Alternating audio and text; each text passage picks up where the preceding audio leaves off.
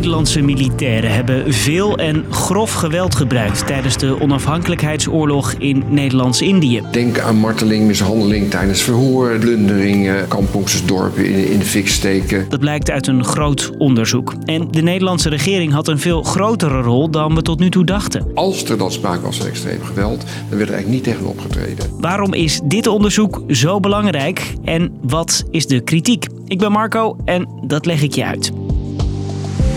Lang verhaal kort. Een podcast van NOS op 3 en 3FM. Voordat ik je vertel wat er precies in dat onderzoek staat, eerst even een kleine geschiedenisles. 17 augustus 1945, twee dagen na het einde van de Tweede Wereldoorlog. De Japanners die de Nederlandse kolonie Nederlands-Indië jaren hebben bezet, trekken zich terug. En onder leiding van Sukarno roepen nationalisten de Republiek Indonesië uit. Tidak ada kemerdekaan zonder tanah air. Bangsa Indonesia ingin merdeka. Het Indonesische volk wil onafhankelijkheid, zegt Sukarno hier. De Nederlandse regering wil de kolonie niet zomaar kwijt en spreekt met Sukarno af dat Indonesië op termijn onafhankelijk wordt. Maar twee jaar later De troepen die naar Indonesië waren vertrokken, werden ook gebruikt. probeert Nederland delen van Indonesië te heroveren. De wereld reageert woedend. De wapens worden neergelegd, maar niet voor lang. Opnieuw reageren andere landen boos. Amerika dreigt zelfs de financiële hulp aan Nederland te stoppen. Geld dat hard nodig is voor de wederopbouw na de Tweede Wereldoorlog. Nederland kan niet anders dan op 27 december 1949 de macht over te dragen. Sindsdien is Indonesië onafhankelijk. God zegene uw land en uw volk.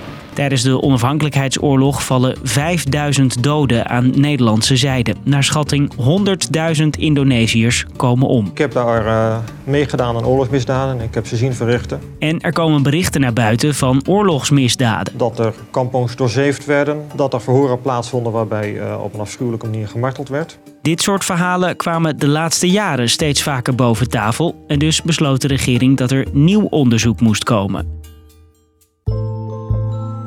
Vier jaar lang is er nu gekeken naar de rol van Nederland tijdens deze oorlog. En de uitkomst is allesbehalve mooi, vertelt een van de onderzoekers. Dat dat extreme geweld niet af en toe wel eens een keertje gebeurde, dat het heel uitzonderlijk was. Maar dat het eigenlijk hoort tot de kern van de wijze waarop de Nederlandse krijgsmacht die oorlog heeft gevoerd. Nederlandse militairen hebben dus veel en vooral ook grof geweld gebruikt. Denk aan marteling, mishandeling tijdens verhoor. Denk aan het zonder eh, gerechtelijke processen of wat ook doodschieten. Zowel van gevangen genomen militairen als van burgers.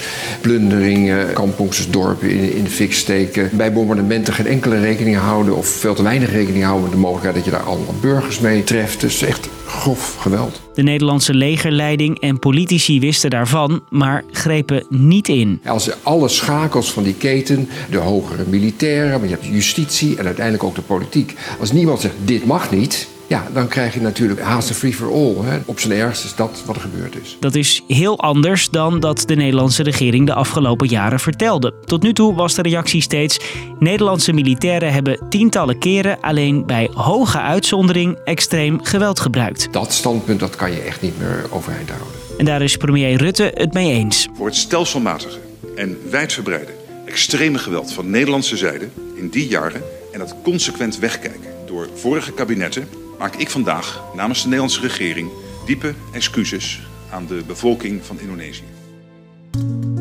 Niet iedereen is blij met het onderzoek. Volgens het Veteranenplatform worden militairen door het onderzoek neergezet als oorlogsmisdadigers. Een klein deel van de militairen hebben zich schuldig gemaakt aan excessief geweld. Dat klopt. En niet de suggestie wekken dat iedereen die daar opgetreden heeft en zich ingezet heeft voor Nederland, dus een soort oorlogsmisdadiger was. Dat is niet waar. Ook vinden ze het onderzoek te eenzijdig, vertelt Ad. Hij vocht mee in de oorlog. verzwijg ook niet wat er door Nederlandse troepen goed gegaan is. Dat gevoel blijf ik houden, dat ik heel veel van die Javaantjes heb kunnen helpen met die zweren en de ondervoeding. Ook aan de andere kant is er kritiek. Voor het Comité Nederlandse Ereschulden, dat opkomt voor Indonesische slachtoffers, gaat het onderzoek juist niet ver genoeg. Zij vinden het onterecht dat de onderzoekers ook wijzen op extreem geweld aan de Indonesische kant. Zij vinden dat er maar één dader is en dat is Nederland. Waar houdt Nederland het echt? Om een land die 18.000 kilometer ver ligt van Nederland. Kijk, de Boeroeboeroer is niet van Nederland. Dat land is, niet van, dat land is van een andere. Van dit dik pak papier vol conclusies zijn zij dan ook niet onder de indruk.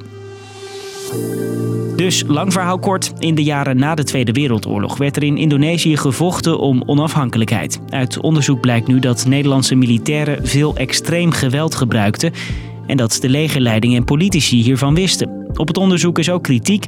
Veteranen voelen zich onterecht weggezet als oorlogsmisdadigers. Voor Indonesische slachtoffers gaat het onderzoek juist niet ver genoeg.